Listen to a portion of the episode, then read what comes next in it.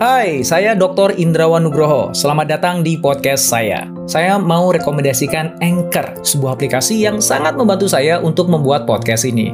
Layanan Anchor itu gratis dan kamu bisa download di App Store atau Play Store atau bisa juga diakses di websitenya www.anchor.fm. Yuk, mangga dicoba.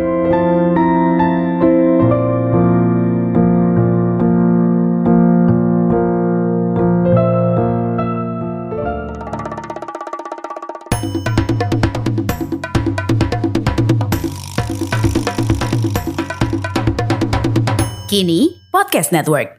Bulan Juni lalu, Elon Musk mengumumkan bahwa Tesla akan memecat 10% dari seluruh tenaga kerjanya yang berjumlah 110 ribu orang itu. Hal itu disampaikan setelah Elon mengatakan bahwa kedua pabriknya di Austin dan Berlin menjadi mesin pembakar uang raksasa yang menyedihkan.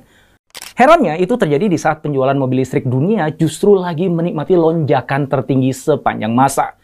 Kemudian di bulan Juli ini muncul berita bahwa BYD, produsen mobil listrik asal Cina, menyalip Tesla dalam penjualan mobil listrik secara global. Apa yang terjadi? Seperti apa sih peta persaingan industri mobil listrik? Dan benarkah Tesla telah tersingkir dari tahtanya?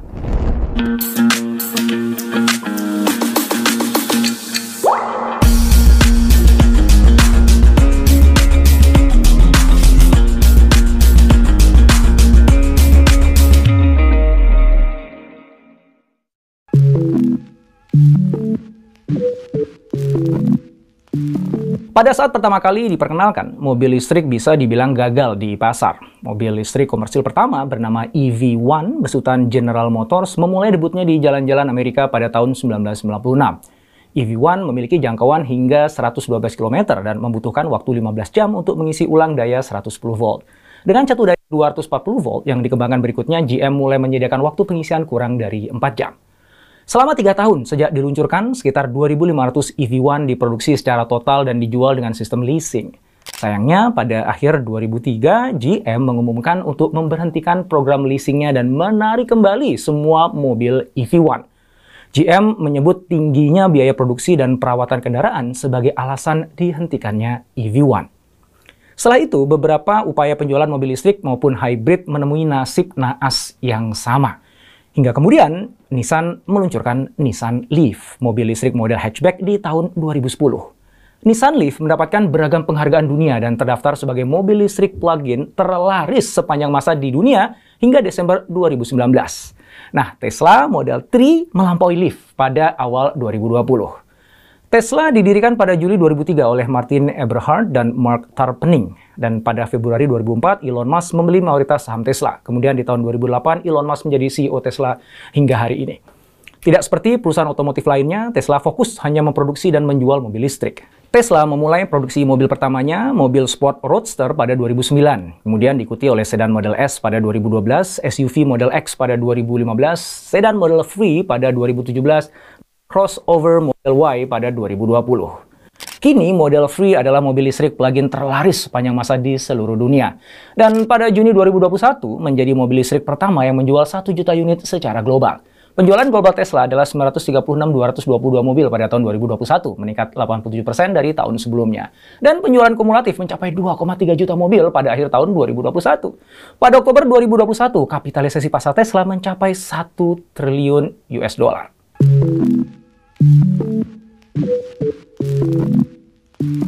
Tentu saja, pasar mobil listrik atau EV tidak hanya dimainkan oleh Nissan dan Tesla. Aliansi Global Renault, Nissan, dan Mitsubishi Motors berhasil menjual sekitar 130.000 EV pada 2018. Sementara rivalnya BMW dan Daimler hanya menjual 33.000 dan 14.000 unit EV masing-masingnya. Sebagai perbandingan, Tesla menjual 220.000 EV pada tahun yang sama. Di posisi terbawah adalah Toyota, pembuat mobil terbesar kedua di dunia ini hanya menjual 1000 EV pada tahun tersebut. Naik dari nol di tahun sebelumnya. Lumayan lah. Tesla memiliki keunggulan dibandingkan dengan perusahaan otomotif lain, yaitu tidak memiliki legacy system atau legacy business. Perusahaan otomotif lain sudah kadung terikat dengan bisnis mobil konvensional dengan segala bentuk sistem, teknologi, kepentingan, dan target finansial yang mengakar kuat. Gak mudah bagi mereka untuk mengubah pola pikir, pola bisnis, apalagi mengalihkan sumber daya dari apa yang selama ini sudah membesarkan mereka. Walaupun begitu, ada aja perusahaan otomotif tradisional yang serius lompat ke bisnis EV. Mereka menggelontorkan dana dan sumber daya yang sangat besar untuk memenangkan perlombaan di industri EV, berupaya mengalahkan Tesla di permainannya sendiri. Salah satunya adalah grup Volkswagen yang juga memiliki Porsche, Bugatti, Skoda, dan Lamborghini. Mereka siap menghabiskan 34 miliar US dollar selama lima tahun untuk membuat versi listrik atau hybrid dari setiap tipe kendaraan yang dimilikinya. Mereka berencana untuk meluncurkan 70 model listrik baru pada tahun 2028. Dan pada akhir tahun 2030 nanti, mereka ingin 4 dari setiap 10 mobil yang dijualnya adalah mobil listrik. Tahun lalu, lembaga riset LMC Otomotif memperkirakan bahwa investasi besar-besaran yang telah dicurahkan Volkswagen ke dalam produksi EV akan memungkinkannya untuk menjual lebih dari 1,4 juta mobil listrik per tahun pada tahun 2025. Jumlah ini lebih dari tiga kali lipat dari penjualan yang diprediksi Tesla. Aliansi Renault, Nissan, dan Mitsubishi Motor diperkirakan akan menempati peringkat kedua dengan menjual hampir 590 ribu mobil listrik pada tahun 2025. Geely yang berbasis di China, yang memiliki merek Swedia Volvo, akan menempati posisi ketiga. Tesla di sisi lain hanya menempati peringkat keempat dengan sekitar 413 ribu EV. Sementara Toyota, Daimler, Hyundai, General Motors, dan Ford mengikuti dengan penjualan yang diharapkan antara 330 ribu dan 400 ribu mobil pada tahun 2025. Saat ini, hampir semua produsen mobil besar di seluruh dunia mengubah model bisnis mereka dengan harapan dapat beradaptasi dengan dunia baru di mana listrik menggantikan bensin dan solar.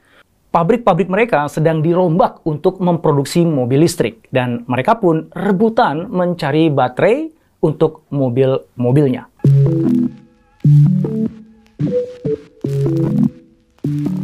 Dalam beberapa tahun terakhir ini, Tesla sibuk membangun pabrik baru di lokasi yang berbeda di seluruh dunia dalam rangka mengefisiensikan proses distribusi mobil di pasar-pasar terbesarnya. Lebih banyak pabrik juga berarti Tesla dapat menetapkan plafon yang lebih tinggi untuk jumlah mobil yang diproduksi per tahun. Tetapi kemudian, sesuatu yang mengejutkan terjadi. Pada tanggal 31 Mei 2022 ini, Elon Musk mengatakan dalam sebuah wawancara, baik pabrik Berlin ataupun Austin adalah sebuah tungku pembakar uang raksasa saat ini. Ini benar-benar seperti suara gemuruh raksasa yang merupakan suara uang yang terbakar. Begitu kata Elon. Pada 22 Juni, ia juga menyebutkan bahwa kedua pabrik itu menderita kerugian miliaran dolar. Berita ini mengagetkan karena muncul di saat industri mobil listrik sedang booming Jumlah mobil listrik yang mengaspal di jalan-jalan dunia pada akhir 2021 adalah sekitar 16,5 juta, tiga kali lipat jumlahnya dibandingkan tahun 2018. Menurut International Energy Agency, penjualan mobil listrik melonjak 75% pada kuartal pertama 2022 menjadi 2 juta setelah memecahkan rekor tahun lalu dengan total penjualan 6,6 juta, naik 100% dari tahun sebelumnya. Lalu apa yang membuat Tesla kehilangan uang hingga miliaran dolar? Penyebabnya adalah karena Tesla menderita penurunan produksi yang dramatis yang disebabkan oleh pembatasan yang diberlakukan oleh pemerintah China. Kebijakan lockdown di Shanghai menyebabkan gangguan rantai pasokan di seluruh industri. Pabrik Tesla di Austin saat ini hanya bisa memproduksi mobil dalam jumlah yang sangat sedikit. Sebagian karena beberapa komponen untuk baterainya terjebak di pelabuhan China. Dua tahun terakhir telah menjadi mimpi buruk disrupsi rantai pasok, dan kami belum keluar darinya. Begitu kata Elon Musk menjelaskan. Dia juga mengatakan lockdown tersebut tidak hanya mempengaruhi produksi mobil di pabrik Tesla di Shanghai, tetapi juga di pabriknya di California yang menggunakan beberapa suku cadang yang itu berasal dari China. Kekhawatiran terbesar Tesla menurut Elon Musk adalah bagaimana kita menjaga pabrik tetap berjalan sehingga kita dapat membayar orang dan tidak bangkrut. Nah, di kesempatan yang tidak lama setelah itu, Musk juga mengatakan bahwa dia memiliki perasaan yang sangat buruk tentang ekonomi Amerika dan bahwa Tesla telah kelebihan staf. Mengikuti pernyataan itu, Elon menginformasikan para eksekutif Tesla dalam email bahwa mereka perlu memangkas 10% tenaga kerja yang kini berjumlah 110 ribu itu, serta menghentikan perekrutan karyawan baru untuk sementara. Akhir Juni ini, Tesla telah memberhentikan 200 karyawan.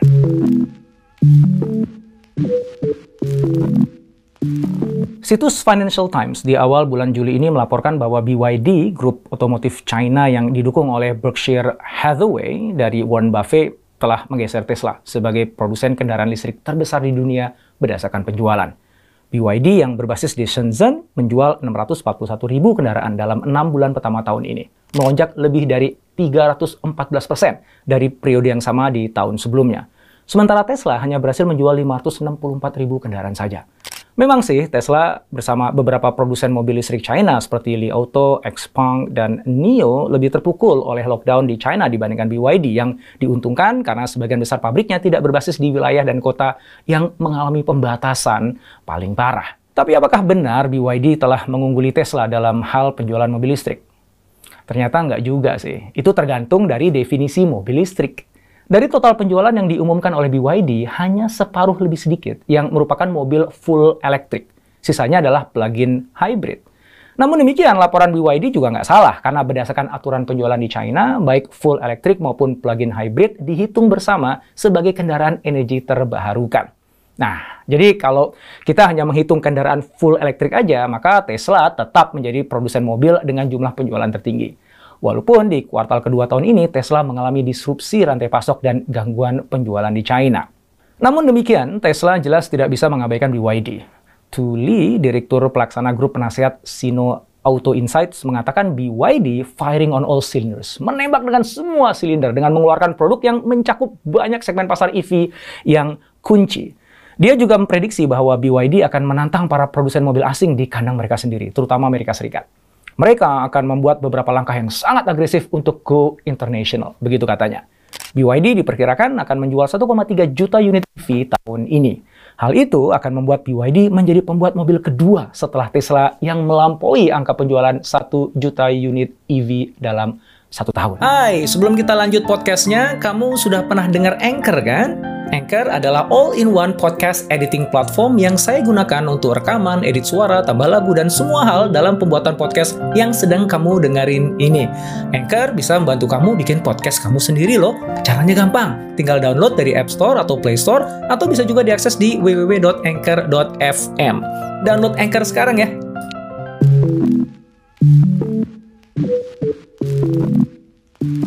Jumlah mobil listrik di jalan-jalan dunia pada akhir 2021 adalah sekitar 16,5 juta, tiga kali lipat jumlah pada 2018.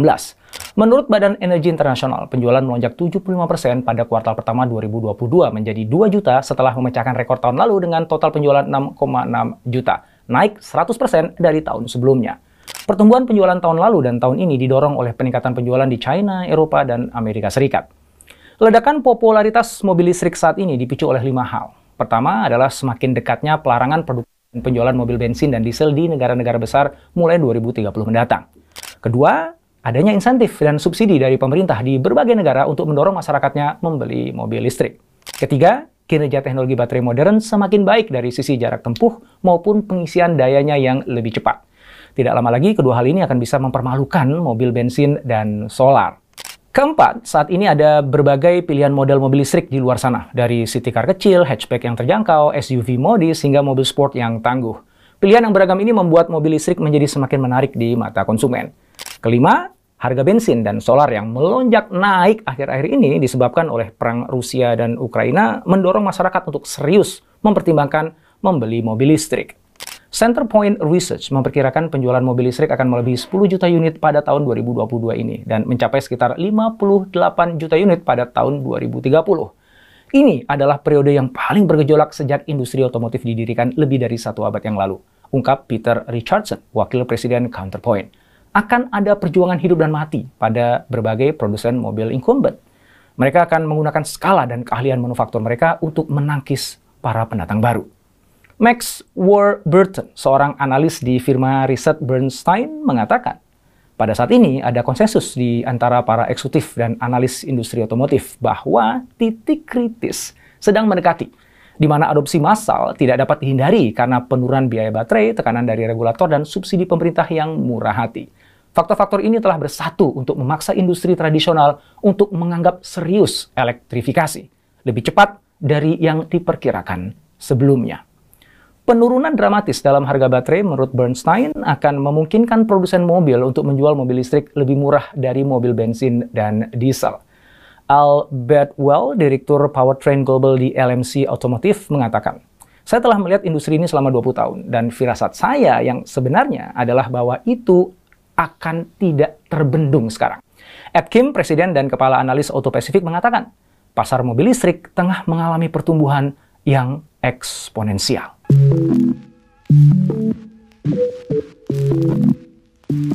EY Mobility Consumer Index 2022 yang mensurvei hampir 13.000 konsumen di 18 negara melaporkan bahwa untuk pertama kalinya, lebih dari setengah dari mereka yang disurvei, yaitu 52% yang berniat untuk membeli sebuah mobil, mengatakan bahwa mereka memilih kendaraan listrik, plug-in hybrid atau hybrid. Ada pertumbuhan tahunan dua digit dalam niat membeli EV di antara konsumen dalam dua tahun terakhir. Dengan 11% pembeli kendaraan baru, sekarang menunjukkan bahwa mereka akan mempertimbangkan EV untuk pembelian berikutnya.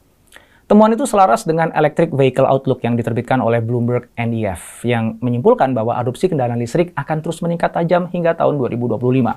Para peneliti NEF Bloomberg menilai bahwa faktor yang paling penting untuk diperhatikan adalah pergeseran pasar dari yang sebelumnya didorong oleh kebijakan menjadi didorong oleh permintaan konsumen. Saat ini, tantangan industri mobil listrik di sebagian pasar adalah tingkat permintaan yang melampaui pasokan yang tersedia. Survei Auto Pacific menemukan bahwa alasan utama niat pembelian mobil listrik saat ini adalah karena pengisian daya listrik jauh lebih murah daripada pengisian bahan bakar bensin atau solar. Mobil listrik juga lebih baik untuk lingkungan dan merupakan tren masa depan. Selain itu, konsumen juga menyukai ketenangan dari mobil listrik dan kenyamanan pengisian di rumah daripada pergi ke pompa bensin.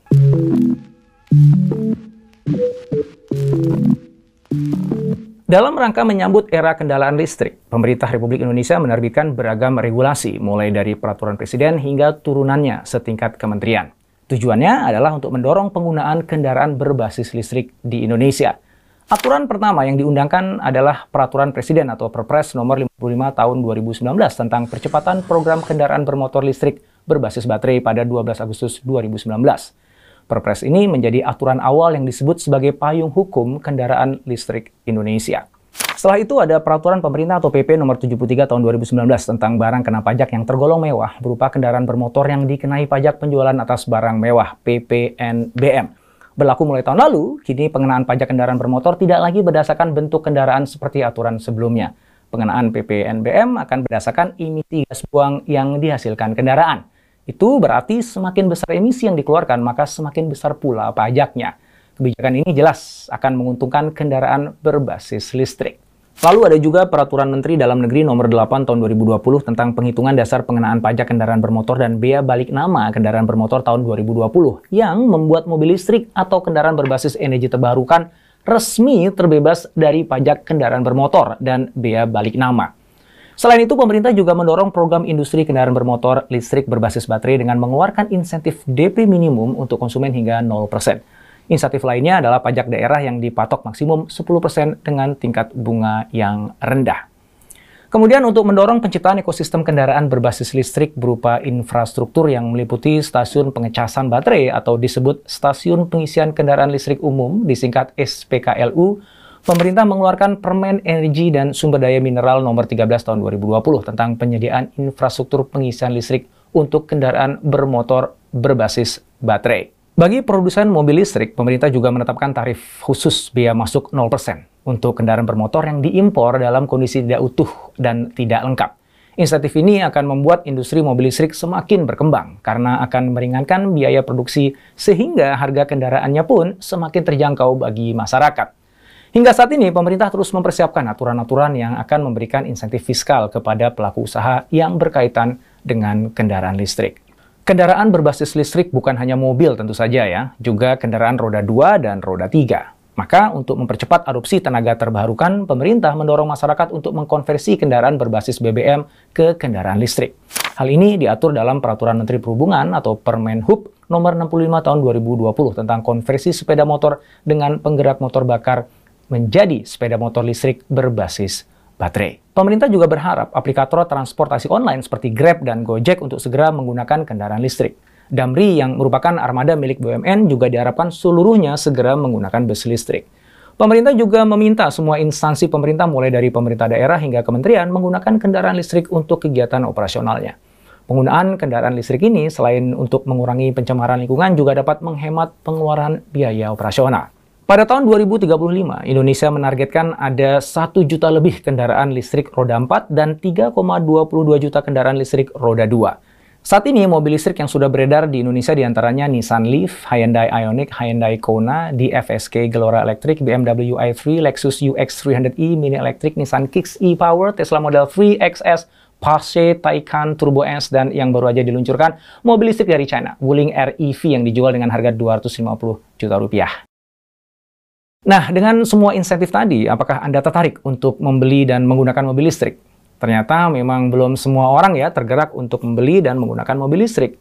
Walaupun sebagian besar mobil listrik memiliki jangkauan lebih dari cukup untuk mengakomodasi perjalanan harian rata-rata pengemudi, penelitian menemukan bahwa konsumen kurang tertarik dengan mobil listrik karena mereka nggak nyaman dengan gagasan bahwa untuk melakukan perjalanan jauh, mereka harus melakukan perencanaan terlebih dahulu dan berhenti untuk mengisi daya di lokasi yang terbatas. Kebanyakan pengemudi masih merasa perlu untuk dapat lepas landas dan melakukan perjalanan secara dadakan. Nah, kalau Anda gimana? Kalau misalnya nanti nih harga jual mobil listrik itu semakin mendekati harga jual mobil berbahan bakar bensin atau diesel, apakah Anda mau beralih ke mobil listrik? Apa pertimbangannya?